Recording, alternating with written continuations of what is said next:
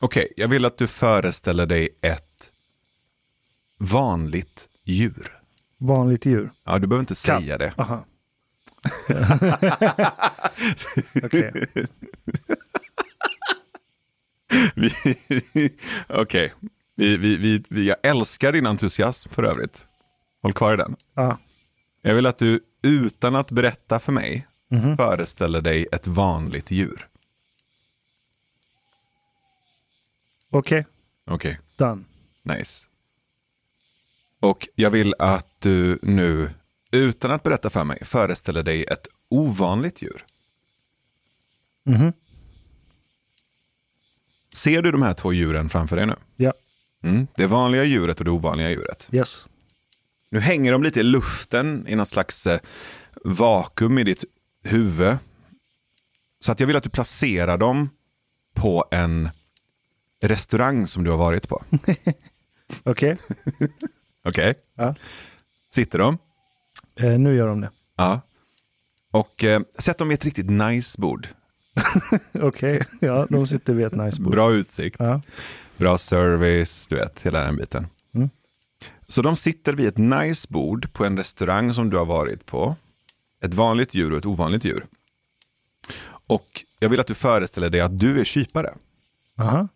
Och så går du fram till dem och eh, eh, tänker, ja, vad, vad fina de är. De är ute på dejt, de här två djuren. Mhm. Mm.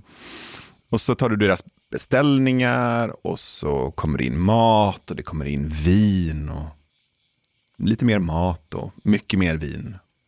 Ännu mer vin. Du fortsätter servera dem och de blir mer och mer högljudda, mer och mer fulla. Okej? Ja. Mm. så vid ett tillfälle kommer du tillbaka Ja. och så är de borta. Mhm. Deras eh, jackor och någon, någon handväska är kvar vid bordet. Men de båda djuren är borta. Och så hör du jätte, jättemärkliga ljud från handikappstoan. Right. Och inser att de här två har gått in och eh, ligger med varandra, kopulerar, knullar, har sex. Mhm. X antal månader senare kommer barnet. Hur ser det ut? Vad ska jag säga? Jag vill att du börjar föreställa dig inför ditt inre hur det här barnet ser ut. Börja. Ja, men jag, jag ser den framför Du mig. ser barnet ja, framför dig. Ja. Och eh, inte bara hur det ser ut utan också hur det känns, textur, Mm. hud, eh, päls, svans, doft, whatever som finns.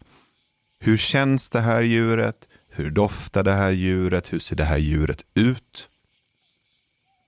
Och så fortsätt liksom det här djurbarnet och se vilka fler informativa och deskriptiva detaljer du hittar om det här djurbarnet. Som har en vanlig förälder och en ovanlig förälder och blev tillverkad på en restaurangtoa. Mm. Vad, vad äter det här djurbarnet? Var befinner sig det här djurbarnet i, liksom, eh, i, i för miljö? Är det farligt, ofarligt, stort, litet? Eh, Om du kan hitta så många detaljer, informativa, deskriptiva, ehm, trivia om det här djurbarnet som möjligt. Ja. Och eh, jag vill också att du döper det. Okej. Ja. Det är döpt. Perfekt. Så nu kommer jag hålla käften och så vill jag att du eh, med dina egna ord börjar be- berätta om det här djurbarnet. Så, så länge du vill. Jag kanske ställer lite nyfikna följdfrågor, men, men börja berätta om det här djurbarnet. Och börja gärna med att berätta vilka föräldrarna var. Okej, så då får jag berätta vilka djur det här handlar om? Ja, All right. Eh, djurbarnet heter Ralf. Och Ralf har en pappa som är en dvärghamster. Och en mamma som är en lama. Laman, mamman kommer från Västerås. Och eh, pappan, dvärghamster, kommer från Uppsala. Och de sågs på McDonalds i Enköping. Mm. Det var där de hade sin dejt. Ah, Eh, så de hade smugglat med sig in vin, för det går inte att köpa vin. Däremot finns det bordservering på vissa McDonalds nu för tiden. Mm. Eh, så kyparen och allting, jag, jag var där, serverade dem och hörde när de låg. Och deras barn Ralf är en hybrid mellan dvärghamster och lama. wow. Så den är ungefär en meter lång. Med nacken och den här långa nacken och allting inräknat. Så den har formen av en lama men pälsen av en dvärghamster. Färgen av en lama och pälsen av en dvärghamster. Är formen av en lama. Formen av en lama och... Så om du tar en dvärghamster och så Mm. stretchar du ut den till en lama. Oh, Så har du Ralf. just det. Och vad kallas den arten då? Den nya arten? Lamhamster. Lamster. Lamstern. Ralf. Lamstern Ralf, ja. Just det.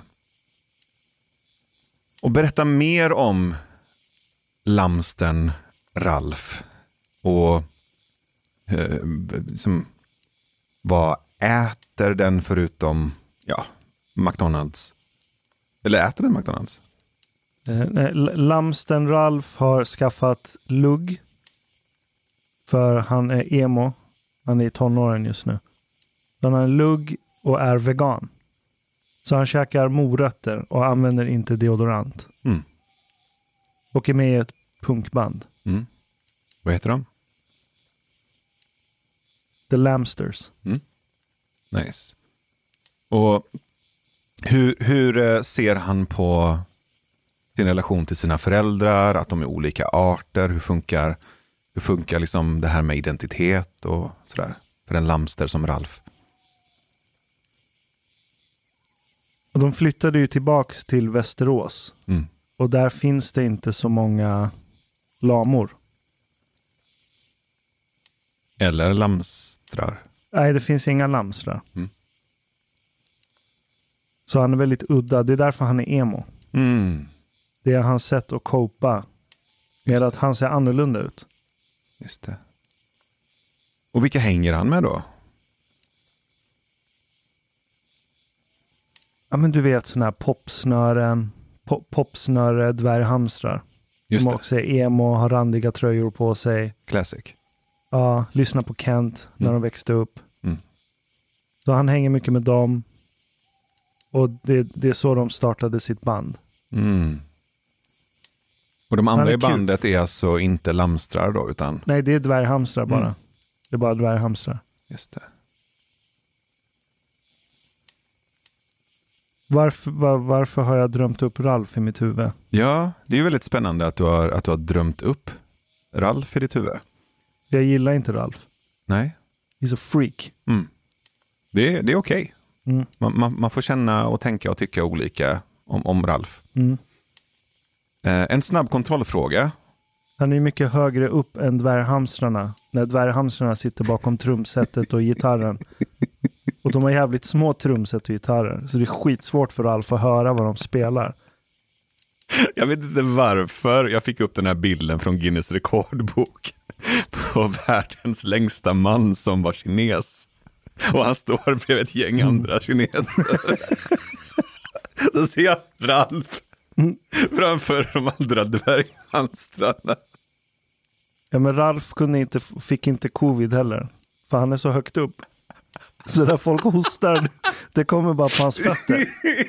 Han fick covid på tårna alltså. Ja, men han, får, han kan inte få covid. Hans mun är för högt upp. Oh wow, just det.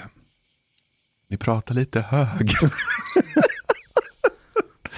ja, fantastiskt. Så- var, varför har jag fått drömma upp Ralf? Ja, men vi, vi, kommer till det här strax. Eh, En kontrollfråga bara först. Vad heter huvudstaden i Frankrike? Paris. Okej. Så snabbt går det alltså mellan fantasi och fakta? Vad menar du så snabbt? Alltså så snabbt kan du skifta ditt fokus från att hitta på något som inte finns och hänvisa till någonting som vi är Jaha. överens om existerar. Ja, mellan fantasi och fakta. Så du pratade precis flera minuter och, om, om, om Ralf som du har drömt upp. Och sen frågade jag dig, vad heter huvudstaden i Frankrike? Mhm. Och du svarar Paris. Så snabbt menar jag att vi kan skifta fokus från fantasi till fakta och tillbaka igen. Vilket i sig är jävligt häftigt att det finns alltså både kapacitet till att minnas och använda dig av det du vet. Samma mackapär kan alltså skapa, hitta på, eller som du uttryckte dig, drömma upp en lamster. Men gjorde jag verkligen det då? För är inte frågan, tänk på ett vanligt djur. Ungefär ganska likt vad är huvudstaden i Paris? Vi hade kunnat byta ut grundleken till att handla om städer också. Så hade du fått hitta på en ny stad. Mhm. Eller två objekt, så hade du fått hitta på ett nytt objekt.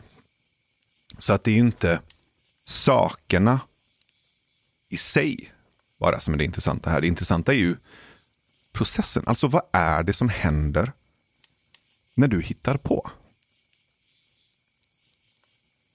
Det jag vill kasta på dig här, det jag är djupt nyfiken på, är vad är fantasi?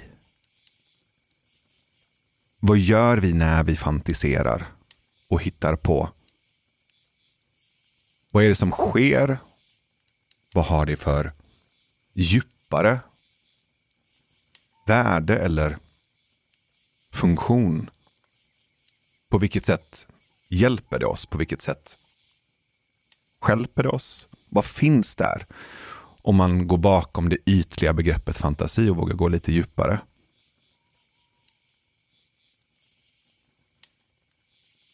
Jag funderar på om man kan ha fantasi utan språk.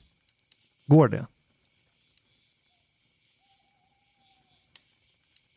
Allt som var fantasi i det här fallet bygger ju på att jag ser världen i kategorier. Till exempel, tänk på ett vanligt djur. Det är en kategori. Och så sa du tänk på ett ovanligt djur. Det är en annan kategori. Och så slår jag ihop två instanser, två objekt, två exempel från varsin kategori. Och så smälter jag ihop dem. Till någonting nytt. Mhm. Utan språk har jag väldigt svårt att se att det överhuvudtaget går. Att tänka en ny tanke. Mm. Utan språk så får du bara den här strömmen av upplevelser. Från, via sinnena. Det bara går in i din skalle. Och så processar du det lite ja, men utifrån vad du känner för stunden. Om du är hungrig, rädd, glad, vad det nu kan vara. Du bara reagerar direkt mot omgivningen. Du har ingen chans att rymma ifrån den här streamen, den här strömmen av intryck. Utan språk. Är du med? Så när du säger språk så menar du inte nödvändigtvis skriftspråk? Nej, nej, nej, nej, nej bara Språk. talspråk. Mm. Det är det vi gör nu. Mm. Alltså där du drog exemplen och så fick jag hitta på Ralf. Just det. Så innan det fanns språk så fanns det inte fantasi? Jag tror inte det. Så Och- hur hittade vi på språk?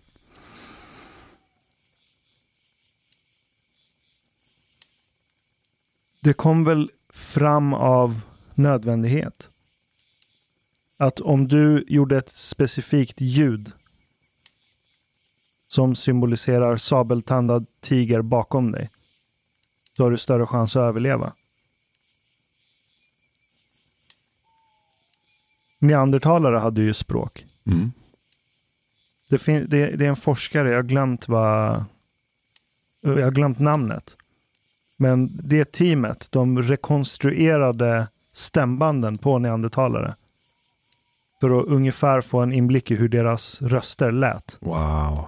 Det låter förjävligt. Alltså det låter som en, men som en elak karaktär i en skräckfilm, du vet, som bara gör läten. Det, det var vidrigt. Det var ganska vidrigt. Men, men det är en evolutionär fördel. Du kan, du, du, du kan varna andra på avstånd till exempel. Mm. Och så växer det fram av nödvändighet. Men om, om du inte kan se världen och bearbeta världen i termer av språk, så tror jag inte du kan ha en fantasi. För du kan inte separera dig själv från den här direkta strömmen av intryck Okej, som bara forsar in okej. i din skalle. Låt mig utmana den lite. Du och jag är just nu två neandertalare.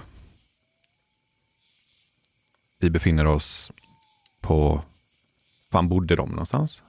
Det är någon miljö eller någon ekologi. Så det blir relativt verklighetstroget här exemplet. De, de har varit på lite olika ekologier genom tiden. Mm. Men tänk dig en så här plätt, lite skog här. Okej, så du och jag, vi är två neandertalare och så står vi precis vid ett skogsbryn. Och så är vi på väg in i en skog. Du och jag. Jag har varit i den här skogen förut, du har inte varit i den här skogen förut. Och så börjar vi gå in i den här skogen. Och plötsligt så börjar vi närma oss en eh, ravin. Någon form av fysiskt möjligt hot, en risk att vi kan skada oss. Längst ner i den här ravinen så finns det vassa stenar, men de ser man inte längst uppifrån. Jag vet att de här vassa stenarna finns där, jag har sett dem. Du har inte varit i den här skogen, du har inte sett ravinen, du har inte sett de vassa stenarna. En bra bit i bort ifrån ravinen. Då vill jag varna dig Ja, för ravinen som är på väg. Eller hur? klart. Och då gör jag något läte då, som betyder ravin Nej, det kan bara betyda stopp. eller stopp. Mm. Men stopp är ju ett kommando Just det. här och nu. Men jag vill varna dig för ravinen. Som kommer sen. Som du fortfarande inte har sett. Genom att säga ravin. Eller uttrycka lätet eller ljudet för ravin. För att du överhuvudtaget ska kunna ta emot min varning om det du inte ser men som kan riskera att komma sen och skada dig. Vad behöver du ha tillgång till då? Om du nu har ordet för ravin, då behöver jag ha fantasin av en ravin. Mm. För att kunna föreställa mig att det finns en ravin. Så du behöver kunna föreställa dig någonting du ännu inte ser framför dig fysiskt. För att kunna ta emot varningen för ravinen. Ja. Men, fan jag kommer inte ihåg vart jag läste det här. Men de, de första orden människor har använt, Mm. oavsett släkte, om det är Homo sapiens, neandertal, vad det nu är. Det är ord som är metaforer för kroppsrörelser. Mm. Inte koncept. Mm. Ravin är ett koncept. Men stopp, hoppa, kasta, ät, Mm. kryp. Mm. Det är kroppsrörelser. Just det.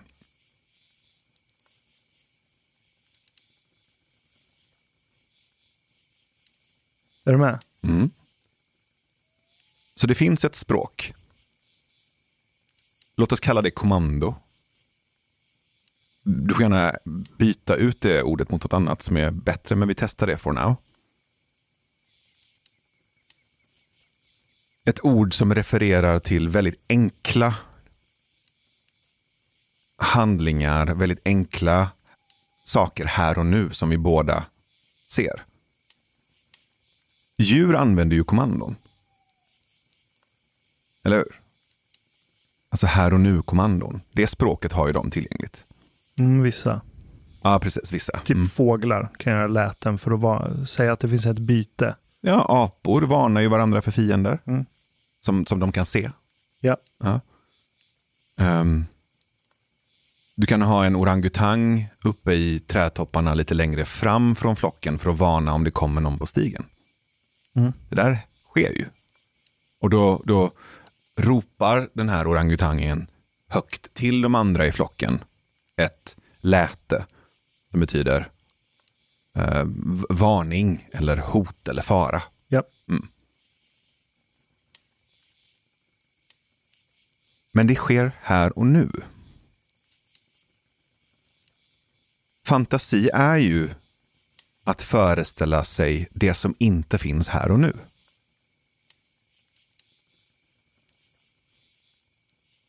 Ja, men eh, måste det vara något jag sett tidigare? Är det fantasi då? Om jag bara kan föreställa mig något jag sett tidigare, är inte det bara minne? För jag, jag har svårt att se de här neandertalarna och tänka, tänk om man korsade en ravin med en flodhäst. Ja, det är ett väldigt roligt tankeexperiment. Men, men ja, här, här går du ju på någonting som jag tror är jättespännande att förstå också. Kan du fantisera utan att ha varit med om någonting? För du sa att språk är någon form av förutsättning, tror du, för fantasi. Och jag tror också att datapunkter, upplevelser, erfarenheter. Eh, alltså lagring av information är förutsättningen också. Det är också en Ja, förutsättning för Ja, fantasi. ja det, Mm. det är jag med på. Självklart. Om, du har, om jag kan tala men aldrig har sett ett djur i mitt liv, Mm. då spelar det ingen roll att jag kan ordet djur. Nej, precis. Då skulle inte jag kunna hitta på Lamsten Ralf. precis. Så språk och tidigare erfarenheter. Ja. Mhm. Du behöver ett språk, du behöver tidigare erfarenheter. Det behövs ju också någonting i din hjärna. Alltså någon form av program som kan abstrahera eller föreställa sig någonting som inte existerar här och nu. Yes. Och sen finns det säkert en massa andra saker som vi har glömt eller som vi inte förstår, som vi inte har upptäckt än, varken vi eller vi människor överhuvudtaget, som har med fantasi att göra, som skulle hjälpa oss att förstå det. Men här finns ju någonstans i den mänskliga historien ett tillfälle där vi går, alltså som art går från att prata om det som är, är här Mm. till det som inte är här. Där vi går från nu till ett möjligt sen. För du sa också någonting, du sa minnet, eller hur? Det är bara minnen. Det är ju också fantasi. Det du minns är ju inte det som har hänt. Det är ju en fantasi just nu. Om det du tror att du har varit med om. Ja, om vi är överens om att vi definierar fantasi så. Så det behöver inte vara något nytt för att det ska vara fantasi, utan det behöver vara något som jag kan drömma upp i huvudet, Mhm. Oavsett om jag kan hitta en motsvarighet i verkligheten eller inte. Mhm. Så om jag tänker på en chokladglass i mitt huvud nu, Mhm. så är det min fantasi. Absolut. Okej. Och även om du tänker på en chokladglass som du åt när du var sju och hur den smakade. Så är det också en fantasi. För du sitter ju inte nu sju år gammal och äter en glass framför mig, eller hur? Nej, jag har ett minne som egentligen är efterkonstruerat säkert. Ja, och den efterhandskonstruktionen kommer ju förändras med dig. Ja. Alltså hittar du på. Ja. Mm. Ja, men jag köper det. Och det finns ju, jag minns att jag för, ja det var säkert så här 10-15 år sedan läste jag en bok som heter eh, Den meningssökande människan av Peter Gärdenfors. Um, du vet Simon Gärdenfors farsa. Jaha. Ja. Han komikern. Komikern och rapparen Simon Gärdenfors har en pappa som heter Peter Gärdenfors och som är professor i kognitionsvetenskap på Lunds Aha. universitet.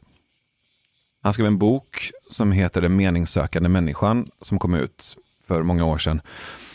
Och där menar han, och det här har ju skjutits ner efteråt. Men då menade han, när han skrev den här boken, att men, människan är antingen det enda eller ett av få djur som kan abstrahera. Som kan hitta på, som kan ljuga. För ljuga är ju också att hitta på. Det är att eh, inte utgå ifrån verkligheten utan från någonting annat. Ja. Och sen dess så har man ju sett att det finns ju visst andra djur som gör det. Och jag minns att han i det här kapitlet använde ekorrar som exempel. Att om du skulle ta en ekorre och stoppa in den i en bur så skulle den fortsätta mekaniskt att vilja samla och gömma ekollon och spara inför vintern. Den planerar inte inför en abstrakt framtid, utan den beter sig bara mekaniskt. Yes. Och att djur kan inte ljuga, de kan inte abstrahera, de har, de har ingen inre värld på det sättet som vi människor har, menade han då. Vilket gör oss till det enda, det han landade sen i, att vi är det enda djuret som söker mening med vår existens. Okej. Och varför har det skjutits ner? För att man har sett att det finns andra djur som, som hittar på och som ljuger. Till exempel skator har man sett och studerat. Det finns eh, experiment där man har sett en skata som har hittat mat. Och tagit med den här maten till sitt bo och så kommer en annan skata och frågar. Kolla liksom. Äh, du, äh, har du mat? Nej bror, jag svär. Nej, men jag, jag såg ju att du, att du hittade liksom sju dagmaskar, eller vad fan de. Sexpack chicken nuggets från McDonalds i Enköping. Han bara, nej bror, jag svär. Det var bara, jag bara kliar mig på, på näbben. Så då ljuger ju den här skatan för den andra skatan. Tror man. Och så har man hittat liknande, eller som variationer på den typen av beteenden där, där djur eh, inte talar utifrån det verkliga och det som finns, utan det ser ut som att de hittar på. Och då har man börjat ifrågasätta den här idén då om att djur inte kan abstrahera, att djur bara är mekaniska. Och det väcker ju en massa frågor också om medvetenhet såklart. Men det krävs ju ingen abstraktion för en skata att göra ett läte som innebär att den inte förlorar sin mat. Det kan du ju uppnå mekaniskt också. Hur då? Den kan ju mekaniskt lära sig att om fiende eller om konkurrent gör det här lätet, om du får lätet som är har du mat, så kan du mekaniskt bara veta att då gör jag det här lätet, då behåller jag min mat. Just det. Så den behöver inte abstrahera. Nej. Den får inte skuldkänslor, Så vitt vi vet. så vitt vi vet. Precis. Men jag vet att det här är någonting som man håller på och liksom tittar på igen. För innan så fanns det en mer, liksom, vad ska man säga, rigid idé om att så här är det nu. Mm. Men nu har man börjat vara nyfiken på det igen och utforska det. Vilket är skitspännande. Både i aspekten av eh, men den mänskliga hjärnan, du vet alla, alla frågetecken vi har kring medvetenhet, men också theory of mind. Ja, Kan djur föreställa sig hur det är att vara den andra? Eh, hur hänger det här ihop med empati? Ehm, och eh, hur hänger det här ihop med andra arters eh, utveckling av eh, frontal cortex till exempel? det är det som är theory of mind, va? Att jag kan föreställa mig hur det är att vara i din hjärna just nu. Mm. Så kan jag försöka lista ut hur du tänker. Precis. Och så kan kan jag använda det emot dig eller i fördel för båda oss eller vad det nu vad jag har för agenda. Ja, precis. Och det finns väl flera lager av det också, som jag har förstått det kring just att abstrahera utifrån theory of mind. Första som jag förstår det är att jag kan tänka mig hur du tänker dig. Just det. Och sen finns det kanske en annan nivå då som är att jag kan tänka mig hur personen som sitter bredvid dig tänker att du tänker. Och en fjärde är att jag kan föreställa mig hur den personen bredvid dig tänker att du tänker att jag tänker just nu. Så det finns inception-nivåer på theory of mind. Um, jag tror det var Ken Wilber som började slicea de här i sju olika nivåer. Vem är Ken Wilber? Ken Wilber är en sån där märklig tänkare, författare, ja, karaktär som folk har svårt att få ihop. Men han eh, har skrivit böcker, eh, han har skrivit om eh, int, vad heter det? integral theory, som handlar om hur stora idéer hänger ihop och egentligen kretsar kring en, en liknande kärna. Okay. Hur de här olika idéerna sitter ihop med varandra, att det inte är separata eller motstridiga idéer, utan att de andra idéerna egentligen hänger ihop med varandra i som slags pusselbitar eller ett, ett helhetssystem. Liksom. Um, det har han skrivit och pratat mycket om, pratat mycket om medvetenhet. Det finns något klipp där han eh, kopplar upp sig mot någon EKG och med andning sänker sina egna alfavågor, heter det va? Ja, ja okej. Okay. I, I hjärnan? Ja, exakt. Mm -hmm. uh, ja, men en jävligt spännande karaktär. Jag vet att det är jättemånga som har extremt mycket åsikter om honom okay. också, som vanligt. Men okej, okay, theory of mind. Uh, Fantasi, ja. abstraktioner. Runt ett pokerbord behöver du theory of mind. Mm. Eller hur? Mm. Det är så här jättetypiskt exempel. Ja, men hundar är ju sjukt dåliga pokerspelare till exempel. det är så här, du sitter med ett gäng hundar och spelar Texas Hold'em och bara, hej Fido, mm? har du något eller? Nej. Samtidigt så ser du svansen bara, slå så. Mm. Och tungan hänger ut, han bara, yeah. har ingenting, kör. Men ja, poker är ju definitivt det. Schack. Just det. Alltså de duktigaste schackspelarna kan ju slicea abstraktioner in i abstraktioner, in i framtiden, in i absurdum. Mm. Um, så ja, jag tror definitivt att språk har med saken att göra. Jag tror definitivt att det finns någonting att säga om syn och det visuella sinnet. Jag tror det finns någonting att säga om vad det har spelat för roll i vår utveckling. Uh, jag tror det finns någonting där kring du vet, övergången från jägare och samlare till uh, bofasta. Också kopplat till tid. Och, alltså mycket av sånt som du och jag redan pratar om. Det är därför någonting i mig är så här, jag kommer inte åt det exakt, jag kan inte sätta ord på det, men, men det finns någonting här kring fantasi som är jävligt spännande att, att, att gå lite djupare i och förstå. Um, men också kring så här, du vet, överföring av idéer och kunskap mellan generationer. Att lämna över idéer till nästa generation, att kunna tillgodogöra sig kunskap mellan liksom, eh, mellan generationer, mellan länder. Um, och sen, du vet, konst, kreativitet, alltså du vet, fantasi kopplat till uttrycka sig och sk alltså skapandet. Liksom. Ja. Um, metaforer. Men, när du säger metaforer, det finns en, det är en bok från 70-talet någon gång, 80-talet jag kommer inte ihåg om han var neurokemist eller någon sorts hjärnvetare. Eh, hjärnforskare av något slag. Läkare i grunden tror jag. Eh, Julian James Mm. heter han.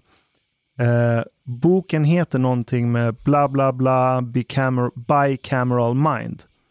Och i den så lägger han teorin om att människor har vandrat runt på den här planeten, alltså Homo sapiens, vi, vår biologiska art, inte släktingar, neandertal, utan vi, har vandrat runt på den här planeten utan ett självmedvetande väldigt länge. Just det. Vi människor har inte alltid varit eh, självmedvetna. Mm. Det är när vi uppfann metaforen som självmedvetenhet tar form i vår skalle. Mm. Så en person som inte lär sig språk och metafor, den kommer aldrig vara självmedveten. Just det. Och, och det är inte så långsökt att tänka att de första in, eh, exemplen eller instanserna av språk bland människor. Det första ordet kan ju inte ha varit en färg. För, det, det är inte så jättevärdefullt när du inte har något annat ord i ditt språk som ännu knappt finns. Mm. Så kommer du på ordet färg. För det är väldigt oanvändbart de mest användbara orden i allra början när språk börjar ta form. Om jag säger, nu hittar jag bara på det, 400 000 år sedan eller vad det är. Det är ju ord som stopp, akta, gå, göm. Mm. Men kommandon Mm. som har direkta konsekvenser på överlevnad. Där har du det. Blå himmel är inte så här jättevärdefullt som första ord. Så det är de orden vi har först format och kommit på och sen delat med oss dem till nästa generation. Mm. Och så har det sakta men säkert byggts på. Mm. Och ju mer ord som byggs på, desto mer och nya kopplingar i hjärnan uppstår det. Och när du har en viss nivå av jätteenkelt basalt språk som formar din hjärna tillräckligt mycket och låser upp ett nytt lager av idéer, skulle man kunna säga, i hjärnan. Någon gång då så uppfinner vi metaforen. Och innan vi har metaforer så är vi inte självmedvetna.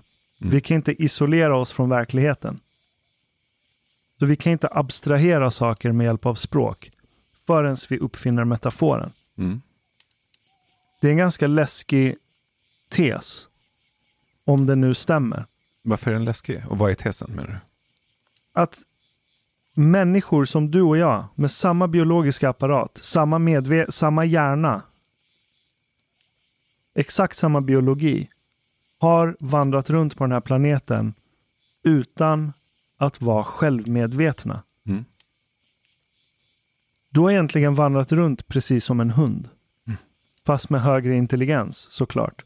Men fortfarande lika osjälvmedveten som en hund. Du har bara varit i en direkt kontakt med den här strömmen av intryck, med verkligheten. Mm. Du har inte kunnat formulera en tanke som hmm, jag undrar hur det skulle vara att lägga mig lite tidigare ikväll. Mm. Du kunde inte formulera en sån tanke. För konceptet jag fanns inte ens, för du var inte ens självmedveten. Jag tycker det är, det är creepy, det är eerie. Att människor har gått runt utan att vara självmedvetna. Att det inte är standardpaketet vi kommer med. Självmedvetenhet måste skapas i hjärnan. Genom språk. Jag tror att det också finns beskrivet i Bibeln. Alltså när... Alltså en läsning av att Gud kastade ut Adam och Eva ur Edens lustgård. um, som jag har förstått det, det är ju att de blir självmedvetna. Alltså... Först så bara springer de ju omkring nakna utan att reflektera över det. Att de är nakna. De är inte självmedvetna.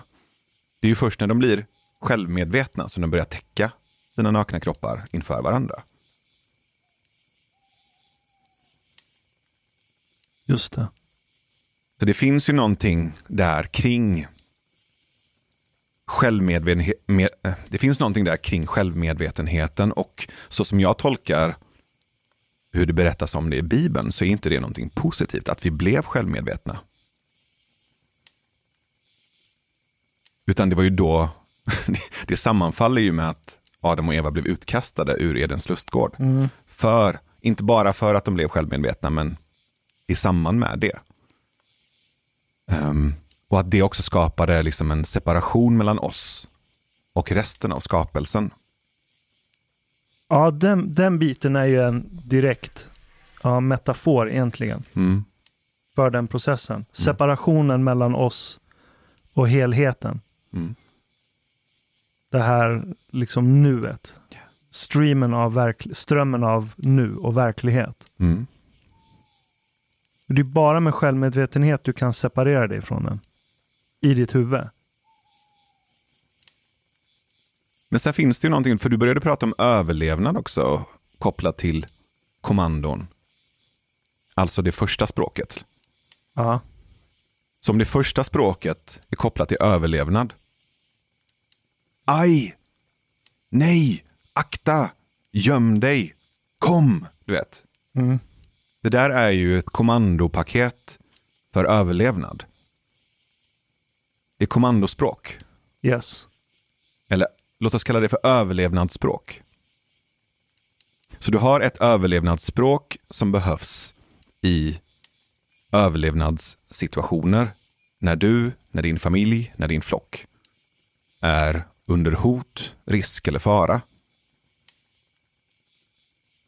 Men när faran och risken lägger sig. När nuet är tryggt. När amygdalan tar en powernap. när nervsystemet tar en bärs och chillar. När alla varningsfunktioner i reptilhjärnan tar en liten snooze. Så finns det ju en annan del som inte är survival. Och jag tror att vår förmåga till fantasi hänger ihop med den delen av hjärnan. Alltså den delen av hjärnan som hamnar i fokus när överlevnaden är säkrad. Vad, vad händer när vi är trygga? Vad händer när vi är säkra? Då kommer ju den här, jaha, now what? vad, finns, vad finns mer? vad finns bakom nästa krön? Vad händer om jag gör så här? Tänk om. Och den tryggheten får du ju. Eller du ökar chansen att hamna i den trygga sitsen mer när du har ett kommandospråk först. Mhm. För då ökar du ju chanserna för överlevnad och Mm. trygghet. Ja, ja. Och man, man, ska, man ska se hjärnan som... Du vet när man spelar vissa tv-spel där du har en karaktär. Och sen har du ett, så här, ett skill tree. Så du samlar på dig eh, experience points. Och sen när du har fått en viss erfarenhet i spelet, då kan du låsa upp vissa färdigheter. Typ, ah, men nu kan du låsa upp färdigheten att hoppa lite högre. Och så kan du låsa upp en färdighet där du kan, jag vet inte, se genom väggar, säger vi. Men för att låsa upp nästa nivå av färdigheter så måste du först ha låst upp de underliggande nivåerna. Innan du får tillgång till nästa nivå av färdigheter. Det är snarare så hjärnan funkar. För du vet, vi har ju haft sam... Det, det, det är därför jag tycker den här boken är så creepy med Julian James. Att det är samma hjärna som för kanske 500 000 år sedan, 300 000 år sedan. Eller nej, 200 000 år sedan. För det är, det är vi människor vi snackar om. Samma hjärna, samma organ kunde inte bli självmedvetet. För du måste först låsa upp nivån som vi nu hittat på namnet kommandospråk för. Och när du låst upp nivån kommandospråk, då börjar det ske nya kopplingar i skallen mellan neuronerna i hjärnan. Och det möjliggör ett, en ny nivå av tankeströmmar. Mm. Och så byggs det här på till nästa nivå, nästa nivå, nästa nivå. Och sen ping så är det något level 10. När du är på level 10, då har du rätt sorts kopplingar mellan nerverna i din hjärna, mellan neuronerna i din hjärna, som gör att du kan plötsligt komma på konceptet metafor. Och det är när du har låst upp den som du blir självmedveten. Det är exakt samma hjärna. Så om jag skulle producera ett barn och inte lära den prata, den kommer inte vara självmedveten.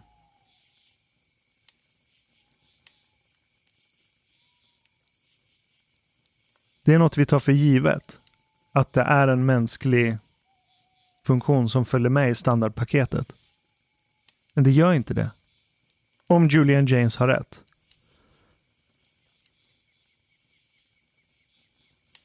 Betyder det att analfabeter saknar humor? Analfabet kan ju fortfarande prata.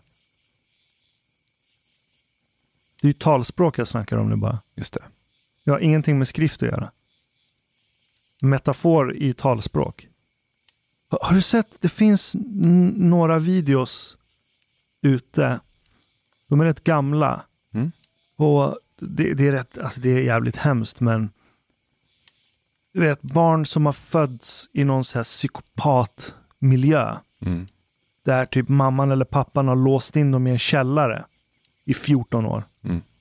Och sen av någon sjuk slump så har någon granne sett det och så kommer polisen eh, och röjer upp stället och så hittar de ett barn som har varit inlåst i en källare i 14 år. Mm.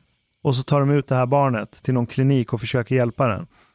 Eh, de människorna, de lär ju sig aldrig att prata. Du har ju ett fönster fram tills att du är fyra år eller någonting sånt. Och lära dig talspråk. Har du inte lärt dig talspråk innan dess så är det rätt kört. Om du tittar på videoklipp på de här människorna när de har växt upp och blivit vuxna.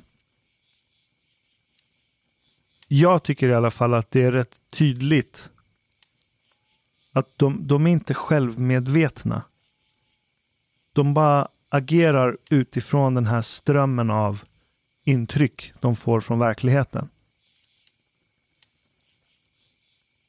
Har du sett det här klippet? Jag tror att det är en dokumentärfilmare som var gäst hos Rogan som berättar om att han åkte runt i USA ute på landsbygden i ganska nergångna områden. Mm. Och så fotograferade han människor. Han gjorde, han gjorde mm, svartvita porträtt tror jag av ja, spännande ja, karaktärer. Ja, ja. Inavel. Och så kommer det, så kommer det, så träffar han en polis i någon liten ort och frågar, men du, du, du, du verkar ha koll på vilka som bor här och du verkar ha koll på, på liksom området här. Finns det några intressanta gestalter som jag skulle kunna göra svartvita fotoporträtt av? Och när, när polisen som dokumentärfilmaren träffar säger ja men absolut, kom tillbaka imorgon eh, så ska jag introducera dig. Nej, kom tillbaka om två veckor. För de skulle komma tillbaka om två veckor och, och ha med sig ett crew. Kom tillbaka om två veckor, då har jag löst lite spännande personer du ska få träffa. Men ta med dig videokameran. Han bara, varför då? Han bara, lita på mig, ta med dig videokameran. När den här dokumentärfilmaren och hans gäng kommer tillbaka efter två veckor så åker de upp till ett hus och där finns den här familjen då. Ja, du har sett klippet? Ja, jag såg den för kanske en, någon vecka sedan. Av mm. en slump. Mm. The Whittaker Family. Ja, exakt.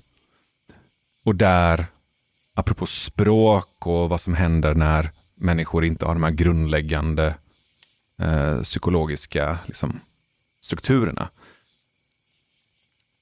Det är, dels så är det ju alltså rent visuellt hur de ser ut. De, de är ju, många av dem är ju missbildade.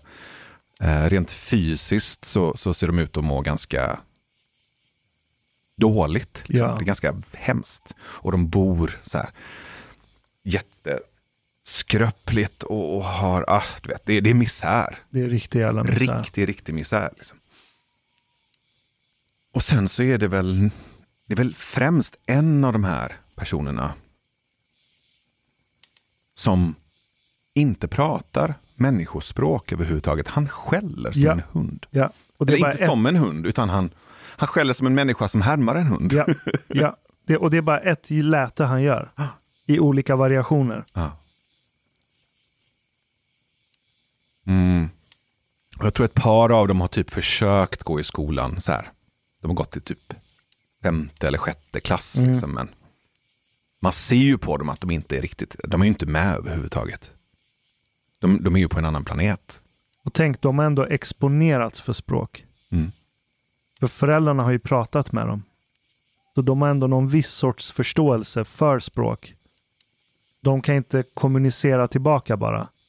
På grund av inaveln och missbildningarna som har uppstått på grund av det. Mm. Men, men den här dokumentärfilmaren interagerar och pratar med eh, en av de här syskonen som bara kan göra det här hundlätet. Han förstår ju vad dokumentärfilmaren säger. Man frågar honom så här, "Ja, men vart i huset bor du? Och så skäller han och typ pekar med armarna och leder dokumentärfilmaren till något, något vrå någonstans i det här förstörda huset. Mm.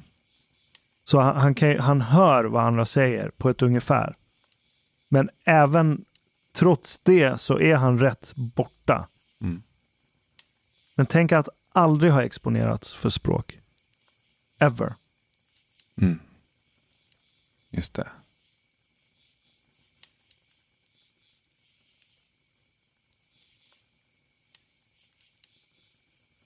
För självmedvetenhet är ju egentligen, eller är det det? Är inte det en metafor av dig själv? Av ditt undermedvetna? Alltså jag vet inte fan vad självmedvetenhet är. Jag tycker den är otroligt både komplex och intressant. Men det blir ju lite märkligt också. Um för jag vet ju inte ens vad du menar med självmedvetenhet. När du pratar om det. För du är ju fast i din självmedvetenhet. Och hur den upplevs inuti dig och jag i min. Ja, med med självmedvetenhet menar jag egentligen förmågan att titta in i mitt eget huvud Ja, och på ett ungefär välja vad jag vill tänka på. ja och det är ju omöjligt. Inte jätte. Nej men, det, det- jag, mm, Om jag säger till dig, Navid, kan du tänk på en rosa elefant? ja, Då kommer ju din, det jag kallar för självmedvetenhet då. Den kommer söka, den kommer titta inåt in i hjärnan och leta fram minnet på en elefant och konceptet rosa. Mm. Och sen slår den ihop dem och så får du en bild i din fantasi. Mm. Intressant? Mhm.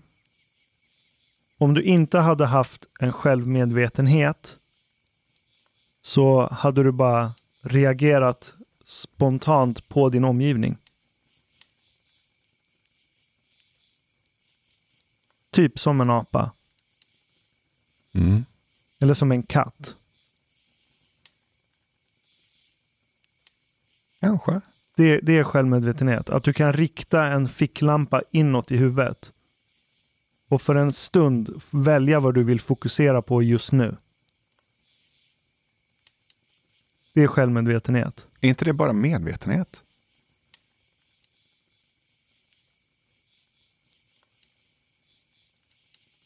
Är inte det en onödig distinktion?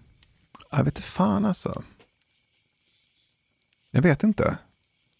Det är därför jag säger att jag tycker att det här är jävligt svårt. För att när du säger ordet självmedvetenhet så är jag så här, hur fan är det ens möjligt att vi kan vara medvetna om vårt eget själv? Nej men okej, du är medveten om att du är medveten. Ett metamedvetande. Ja, Om vi säger så istället Mm, då. Metamedvetande. precis. Inte självmedvetande. Nej, exakt. Tack. Det är ju mycket tydligare och tror jag mer accurate att kunna ha tillgång till ett metamedvetet plan. Alltså du kan koppla över till en annan kamera och, och titta på saker inuti dig själv. Exakt. Ja. Det, det, det, det, är språkbarriär egentligen. För i, i boken, Ju- Julian Janes bok, han kallar det för self-consciousness. Men jag tolkar det som consciousness of the self. Att du är medveten om dig själv. Men det, det, det blir ju så på västerländska för att vi tror att vi är isolerade individer. Det är därför ordet ser ut som det gör. Men metamedvetande är nog bättre, tror jag. Mm. Att du är medveten om att du är medveten. Mm. Jag tror inte en hund är medveten om att den är medveten. Nej. Den är bara medveten. Precis. Men när du blir medveten om att du är medveten, då är det som att du har en metafor för din medvetenhet Mm. som du kan simma runt i ibland. Låt mig testa en metafor då. Mm. Mm. Ett djur, ett vanligt djur, eh, är ju mer impulsstyrt. Mm. Och ett vanligt djur ser föda och närmar sig födan, sätter tänderna i födan och äter födan. Sen är det klart. Den funderar inte på, ska jag verkligen ha en kanin till? Jag åt den igår. Eller, fan, jag ska gå ner lite i vikt inför julfesten runt eh, vattenhålet. Liksom. Eller, fan, Undra om den här antilopen är laktosfri. alltså, den sätter tänderna i köttet. Yes. Punkt. Liksom. Det är inte så medvetet. Den bara äter. Så låt oss kalla det mekaniskt. Om nästa nivå är medvetet. Mm. Där är mat. Jag tar med mig den här maten hem till min flock. Och så tillagar vi den maten. Och så äter vi den tillsammans ikväll.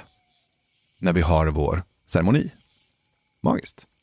Nice, så gör vi. Jag tar med mig maten till flocken.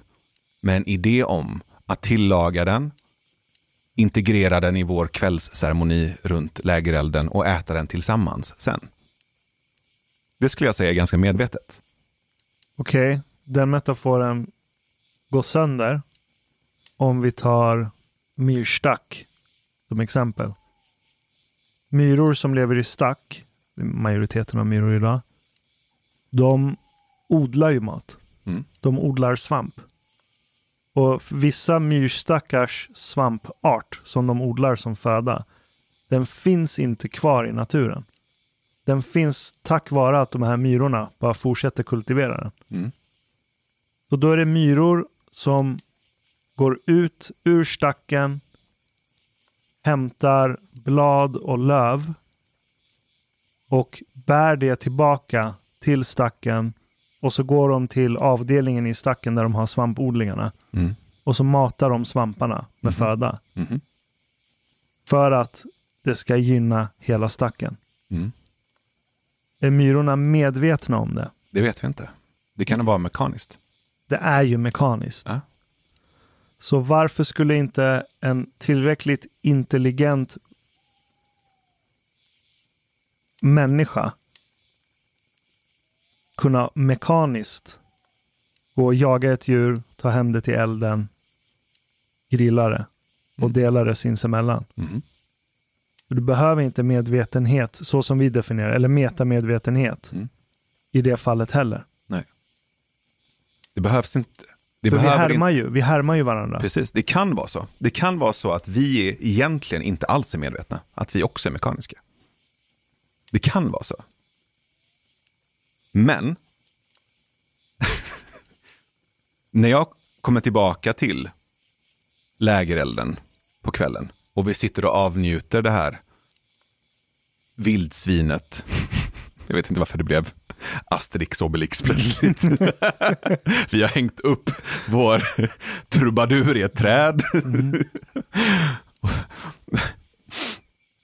Då sitter jag ju runt lägerelden tillsammans med resten av flocken, äter det här vildsvinet som vi har tillagat, som jag hittade tidigare under dagen. Och så berättar jag ju för er om den här händelsen. Och så berättar jag att ah, fan, jag tänkte att jag skulle ta med den hit och så gjorde jag så här och sen gjorde jag så här. Så jag kan beskriva händelseförloppet och jag kan berätta om hur jag tänkte och planerade det. Right? Mm.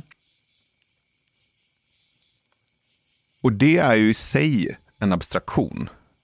Det är ju något annat. Det är ju, det är ju mer åt medvetenhet än åt mekanik. Men språk är alltid en abstraktion. Mm. Det här ser vi ju inte, så vitt vi vet, att myror gör. De kan kommunicera kemiskt. Det kan de göra. Mm.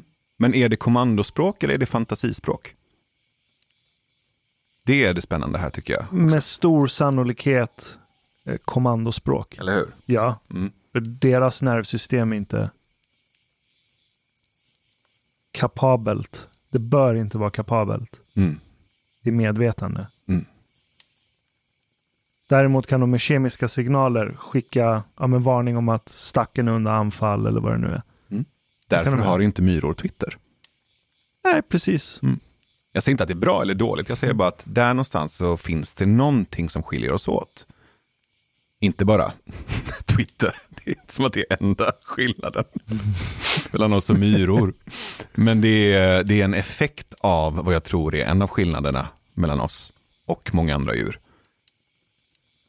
Och det, är ju- och det är ju det där, det är, det är här någonstans jag är nyfiken på. Jag tror inte att fantasi är grejen. Det är ju ett instrument för någonting mycket, mycket större. Som har med vår mänsklighet och civilisation att göra. Som kanske till och med har möjliggjort civilisation och vetenskap och, och um, vår utveckling som, som den har skett de senaste tusen åren. Ja, Och förmågan att föreställa sig någonting bättre bortom krönet. Alltså, en vision om någonting bättre är också en fantasi. När Obama står och skriker “Yes, we can!” Eller när Martin Luther King säger “I have a dream”. När Mahatma Gandhi drömmer om ett fritt Indien eller när Nelson Mandela drömmer om ett liksom, friare Sydafrika. Det där är ju fantasier. Om någonting bättre bortom krönet. Hopp är en fantasi. och föreställa, det är en metafor. Precis. Att föreställa sig något, det är en metafor. Mm. Det där har ju vi gjort i tusentals år nu. Ordet metafor är en metafor. Tror jag har sagt till dig någon gång. Mhm. Det betyder att brygga ihop någonting. Exakt. Så den här lilla leken vi gjorde med det vanliga djuret och det ovanliga djuret. Det är ju en sån här liten rolig övning, eller hur? Mm. Men det vi dockar an till är ju mycket mer än bara roligt. Alltså förmågan att föreställa dig någonting som inte existerar i dig själv Yes. är magi. Det är ju en otroligt häftig egenskap som transcenderar en liten tramsig, rolig, lekfull övning till att börja prata om utopier eller ehm, paradiset är ju en fantasi som har använts för att få människor att göra saker de inte hade gjort annars kanske. Mm. Så att vår föreställningsförmåga och vår fantasi att abstrahera både en bättre framtid men också rädslan inför en sämre framtid, en dystopi är ju också en fantasi du kan använda för att motivera människor till att göra olika saker. Och skrämma upp dem. Mhm. Det är en otrolig kraft. Alltså fantasin är ju en otrolig kraft. Och Man kan kalla det för en psykoteknologi. mm, Det är ett psykologiskt instrument. Ta det här till exempel med sci-fi författare. Flera av de här kända sci-fi författarna som vi fortfarande läser än idag. Ta Asimov, ehm, William Gibson. Ehm, ja. Nu tappade jag namnen på, men du kan säkert fler. Neil Stevenson är jävligt grym också. Neil Stevenson. ehm, Douglas Adams. Douglas Adams. Men jag, tänk, jag tänker ännu mer på, på de här sci-fi författarna som har bakat in civilisatoriska, filosofiska, moraliska, teknologiska dilemman och idéer i sina berättelser. Som sen har blivit vadå? Verklighet. Mm. Och vissa är så här, åh, de förutspådde det här. Eller så planterade de det här i oss genom idé. Genom att plantera den här fantasin som ännu inte finns. Men plötsligt så finns den som en psykoteknologisk potential. Så du, du kan tänka det. Hmm. Kan du göra det? Eller så, om vi tittar på det från Marshall McLuhans ögon. Han myntade ju det här begreppet att vi, vi går framåt i tiden baklänges tittandes i en backspegel. Kan du föreställa dig det? Så du går baklänges och så har du en backspegel framför dig. Mm. Det, det är lite tanke Mm. eh, knut några sekunder kanske. Så du går baklänges och så har du en backspegel framför ditt face. Mhm. Så du ser det som händer bakom dig, som är framtiden, Mm. i en backspegel. Mm. Det är så han definierar hur vi människor approachar framtiden. Mm. Så hans poäng med det, det är att framtiden har redan skett innan de flesta ens hinner fatta det. Alla premisserna för hur framtiden kommer se ut om 50-100 år, de finns redan där. Mm. Men de flesta ser det inte. Men artisten, det är liksom mänsklighetens antenn som kan känna av det här dolda som de flesta andra inte ser.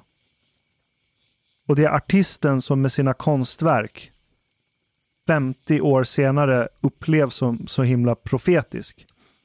Men det är för att artisten rör sig på ett annat plan. Och kan plocka upp de här vibbarna och signalerna utan att den själv ens är medveten om det och tänker på det. Mm. Utan den, det låter jävligt flummigt, men den känner av det på något konstigt vänster. Och, och jag tänker på, på tal om sci-fi och att profetiskt förutspå framtiden. Frank Herbert. Dune. Mm. Dune handlar ju om vad är det, typ 10 000 år fram i tiden. Där människor är intergalaktiska rymdfarare. Där vi har en megacivilisation under ett ja, men, rymdfeodalism typ.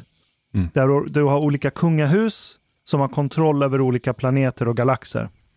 Det är så världen ser ut. Och för att kunna vara rymdfarare, för det är så jävla avancerat att navigera i rymden i en sån här hypergalaktisk c- civilisation. Så våra hjärnor klarar inte av det rent naturligt. Det är för komplext. Så för att klara av att vara en rymdfarare 10 000 år fram i tiden så behöver du dopa hjärnan med en drog som heter Spice. Och den här drogen Spice finns på en enda planet. Den här planeten heter Dune. Så det är därför alla kungahus krigar mot varandra för att få kontroll över den här planeten. För att den här drogen Spice är den mest värdefulla resursen då, i galaxen. Man skulle kunna tolka det som att det han beskriver i Dune, det sker redan nu. Dune är egentligen en metafor av nutiden. Men istället för att vi är intergalaktiska rymdfarare så har vi byggt en civilisation där fem miljarder människor, and counting, det fem miljarder mänskliga hjärnor är ihopkopplade i ett globalt hypersnabbt ögonblickligt nätverk som vi kallar för internet. Där allting händer överallt samtidigt hela tiden. Det är bara signaler överallt. Mellan objekt, människor, platser så bara överförs det data ögonblickligt globalt hela tiden på den här planeten. Det är ju den här ultrakomplexa civilisationen som är för komplex för vår hjärna att kunna hantera. Just det. Och för att kunna överleva i den här miljön som vi har skapat, precis som karaktärerna i Dune. De behöver dopa sin hjärna för att kunna överleva i den här superkomplexa intergalaktiska civilisationen. Så kanske det kommer leda till att vi människor inser att fuck, våra hjärnor mäktar inte med vad vi har byggt. Det enda sättet att ha en minsta lilla jävla chans att kunna navigera dig i det här hyperglobala, ögonblickliga, internetpenetrerade civilisationen som vi har skapat. Helt oavsiktligt egentligen. Det var ingen som visste att det här kommer bli resultatet. Men för att kunna navigera det här, då måste vi dopa våra hjärnor. Psychedelics. Det och den här massiva ökningen av människor som diagnostiseras med ADHD. Mm. Psykedelika och någon sorts stimulansmedel som gör att du klarar av ens att hantera alla impulser som kommer in i din skalle hela tiden. Mm.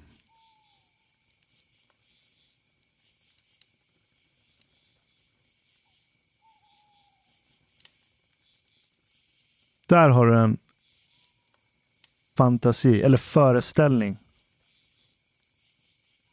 om mänskligheten 10 000 år fram i tiden.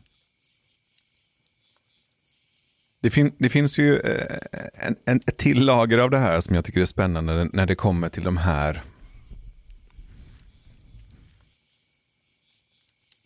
jag tror det var Carl Jung eventuellt som sa The mind is the birthplace of thoughts. Mm -hmm. Vad händer om de här idéerna, de här eh, fantasierna, uppenbarelserna eller eh, aha-ögonblicken till nya berättelser, nya visioner och nya idéer som kommer till oss då och då inte är våra.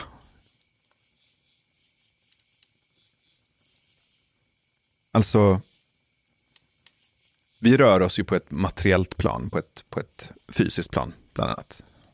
Det vi ser, kan ta på, eh, som har liksom någon form av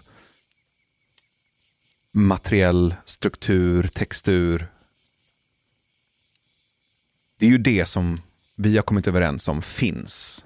Alltså skulle du fråga Bosse från Borås. Finns det här bordet du sitter vid och dricker din kaffe, Bosse? Så skulle han sätta sina händer på det och säga ja, det finns. Det går att greppa. Mm. Mm. Så det som är viktigt och det som är riktigt är det som går att ta på. Det finns någon form av överenskommelse om att verkligheten är det jag kan röra vid. Ish. Samtidigt som hela vår civilisation kommer ur. Teknologi kommer ur. Språk kommer ur. Idéer. Alltså abstraktioner från början. Det är intressant att metaforen för att säga att jag förstår inte din idé, det är att jag kan inte greppa vad du säger. Mm. Men förlåt, fortsätt. Precis, jag kan inte greppa det du säger. Mm. Jag kan inte sätta fingret på det riktigt, men mm. jag känner att någonting inte stämmer här. Mm.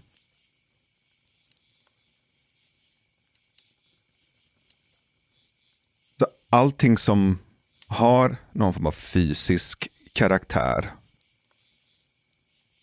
började ju någon gång i en abstrakt karaktär. Nej, alltså, tvärtom va? Allting som finns har ju en gång inte funnits. Alltså allt ifrån... Jaha, okej. Okay. Ett bord har en gång i tiden inte funnits. Ja, Det har precis. funnits en sten jag kan ställa saker på, Mm, men inte ett bord med fyra ben som någon har byggt i en fabrik. precis. För att bordet ska finnas måste det börja med en idé om ett bord. Mm. Och egentligen samma sak med en tavla eller ett album eller ett eh, företag eller idén om nationen som sen blir verklighet eller en ideologi eller en religion eller ett barn. Alltså innan barnet föds så tillverkas det i liksom mammaugnen, bakas. Liksom. Innan dess så sker befruktningen, innan dess så finns det ju två personer som kommer på att ah, kanske skulle ha ett barn eller så sker det av misstag. Men det, det, det existerar på ett slags idéplan, en, en abstraktion om någonting fysiskt som sen kommer att födas eller skapas.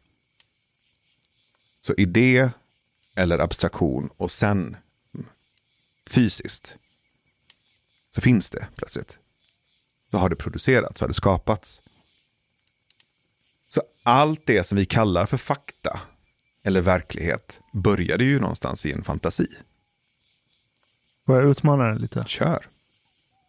Så okej, premissen är ett bord fanns först som en abstraktion. Någon fick idén, någon hittade på konceptet och sen producerades det ett bord. Mm. Men om man istället tänker att bordet, eller att all, alla artefakter som vi skapar är förlängningar av vår egen kropp. Mm. Till exempel att en kaffekopp eller ett vattenglas, säger vi. Det är en förlängning av mina händer. När jag slår ihop mina händer till en så här skålform Mm. för att fånga upp vatten i ett vattenfall. Mm. Det är ju vad ett vattenglas är. Yeah. Det är en förlängning av mina händer. Eh, på samma sätt som en, en, en cykel är en förlängning av mina fötter. Mm. Cykeln gör vad mina fötter också hade kunnat göra. Den bara gör det snabbare och mer energieffektivt. Mhm. Och bordet, det är ju en sorts hybridförlängning av min famn. och mina händer. Mm. Så istället för att hålla 40 objekt i min famn så kan jag ställa ut dem på bordet. Mm. Så bordet fanns där hela tiden. Det är bara en ny form av min famn. Ja, och där tror jag att jag vill bara så här. Vi stannar upp lite. Mhm. Du hade kunnat nöja dig med att inte ha så många objekt i famnen att du behöver ett bord. Ja,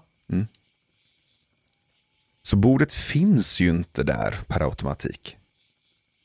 Bordet uppfinns för att det finns, tror jag, en underliggande riktning för vår fantasi. Som hänger ihop med det du beskriver. Alltså att vi hittar på nya saker i en slags riktning och förlängning från våra egna kroppar. Så förlängningen håller jag med om. Men det är en riktning för vår fantasi. Så att det vi hittar på blir en förlängning av vår kropp. Men det finns ju ingenting per automatik som säger att du behöver hitta på ett bord. Alltså bordet finns inte där. Om det inte finns ett behov av förlängning och växande.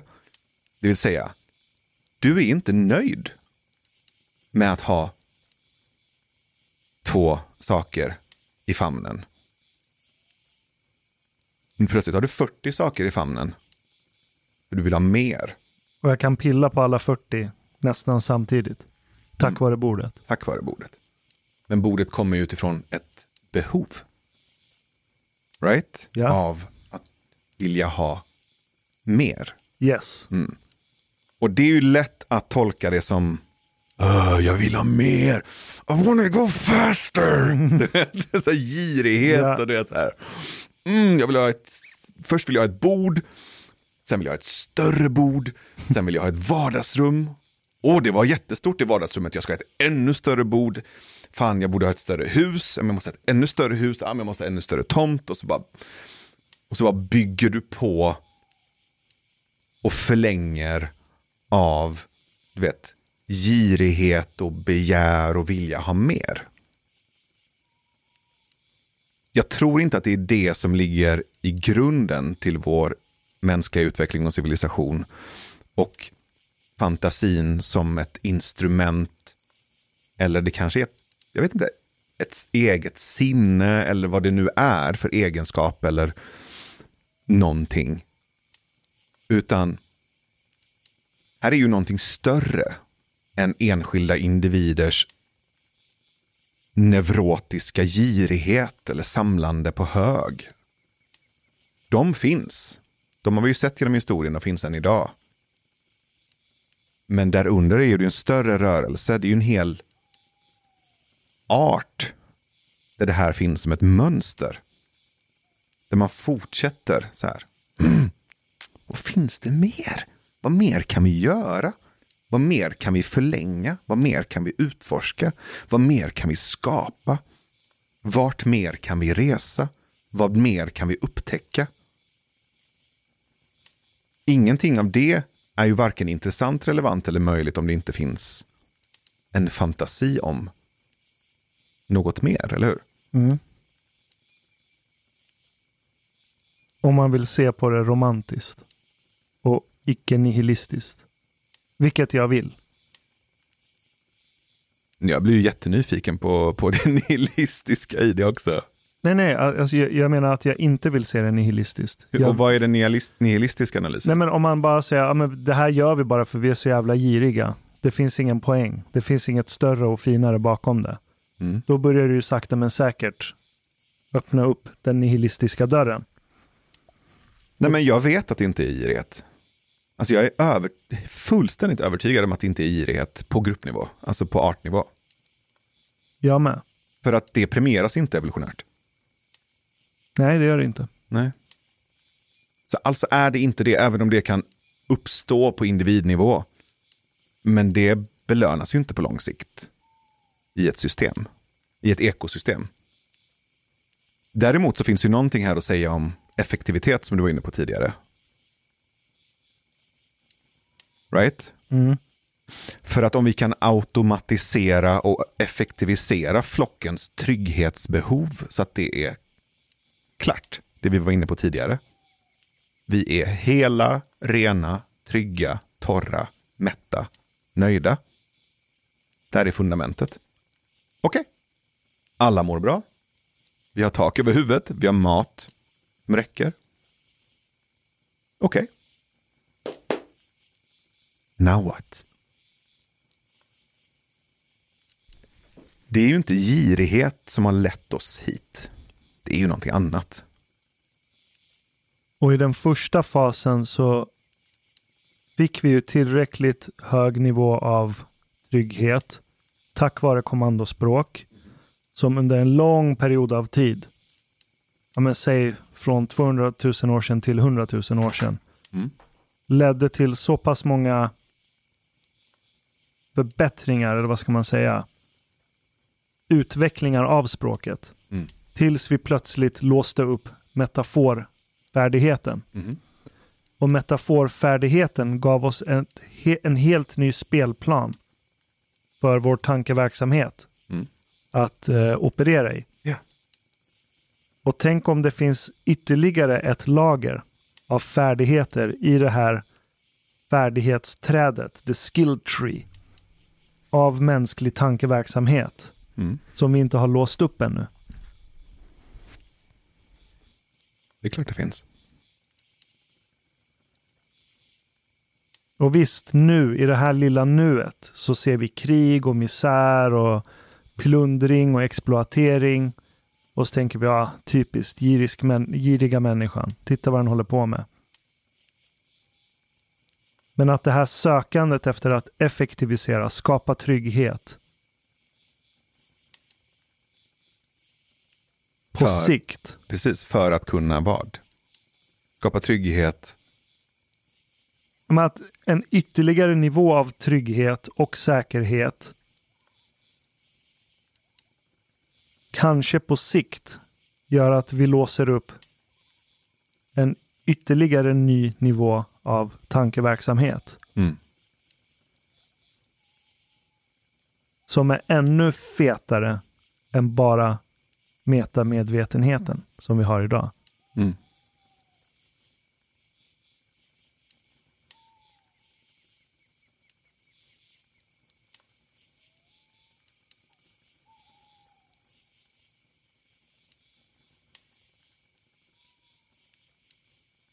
Så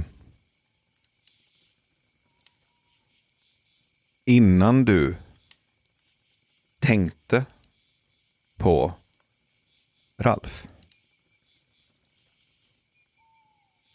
så fanns ju inte Ralf, eller hur? Korrekt? Mm. Nu finns ju Ralf. Han är ju en del av det vi har pratat om. Det vi har pratat om nu fanns ju inte innan heller. Och det började ju med Ralf, som inte heller fanns innan. Mm. Och även om Ralf inte finns här i fysisk form så känns han ju verklig. Eller hur? Som en berättelse, som en karaktär, som en som ett vagt minne av något Mm. litet djur du har stött på i en dröm eller film eller någon annan saga.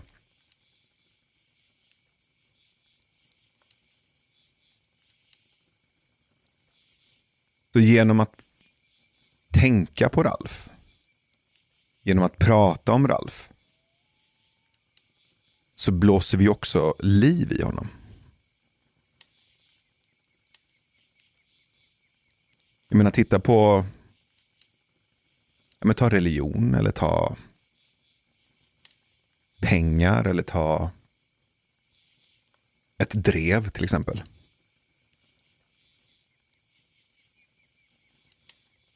Flera av de här fenomenen är ju sånt vi tänker på och pratar om så pass frekvent och mycket att det blir gemensamma fantasier och gemensamma verkligheter.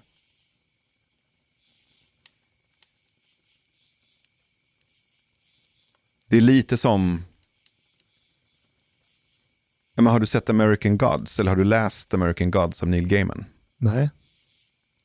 Otroligt häftig berättelse som handlar om alla gudar som någonsin har funnits och fler därtill. Som lever i samma universum. Här med oss. Mhm. Och en av premisserna i berättelsen är att en gud finns i så stor utsträckning som de som tror på honom. De som ber till honom, de som dyrkar honom, de som offrar till honom. Och flera av de gamla gudarna som folk har glömt bort är så här små och svaga och skröpliga för de får liksom ingen energi. Mhm. För det är ingen som pratar om dem. Det finns ingen eh, gudamotsvarighet till attentionalism eller personal branding för den guden. Den får inte tillräckligt mycket gudaklaut. Det är inte tillräckligt mycket energi i- i hashtaggen eh, Ganesha.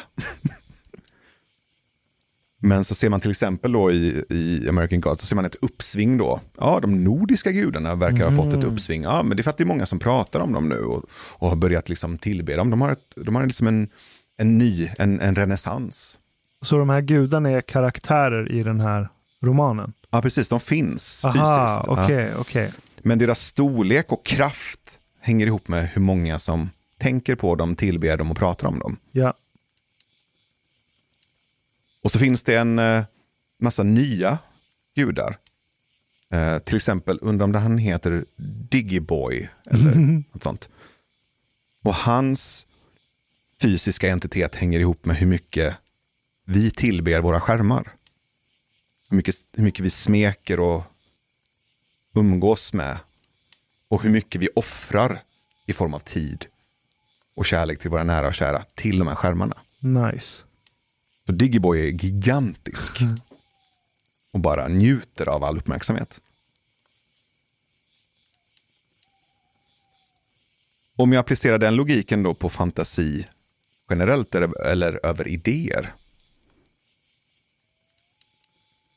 Så ju mer vi pratar om en idé, ju fler som tar del av en idé accepterar den och börjar liksom tillbe den, surra kring den, förstå den och fysiskt praktisera och manifestera den så börjar ju den också få ett liv, ett fysiskt liv. Den påverkar vår fysiska tillvaro.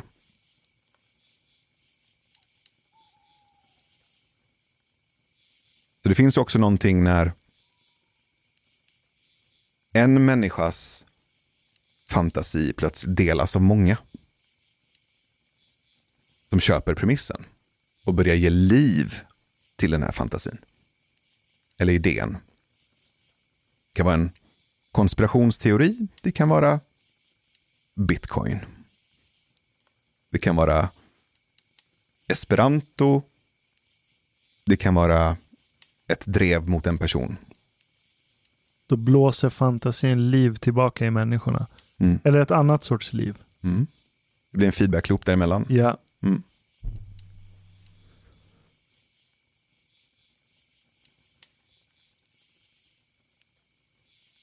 var en jävligt snygg metafor.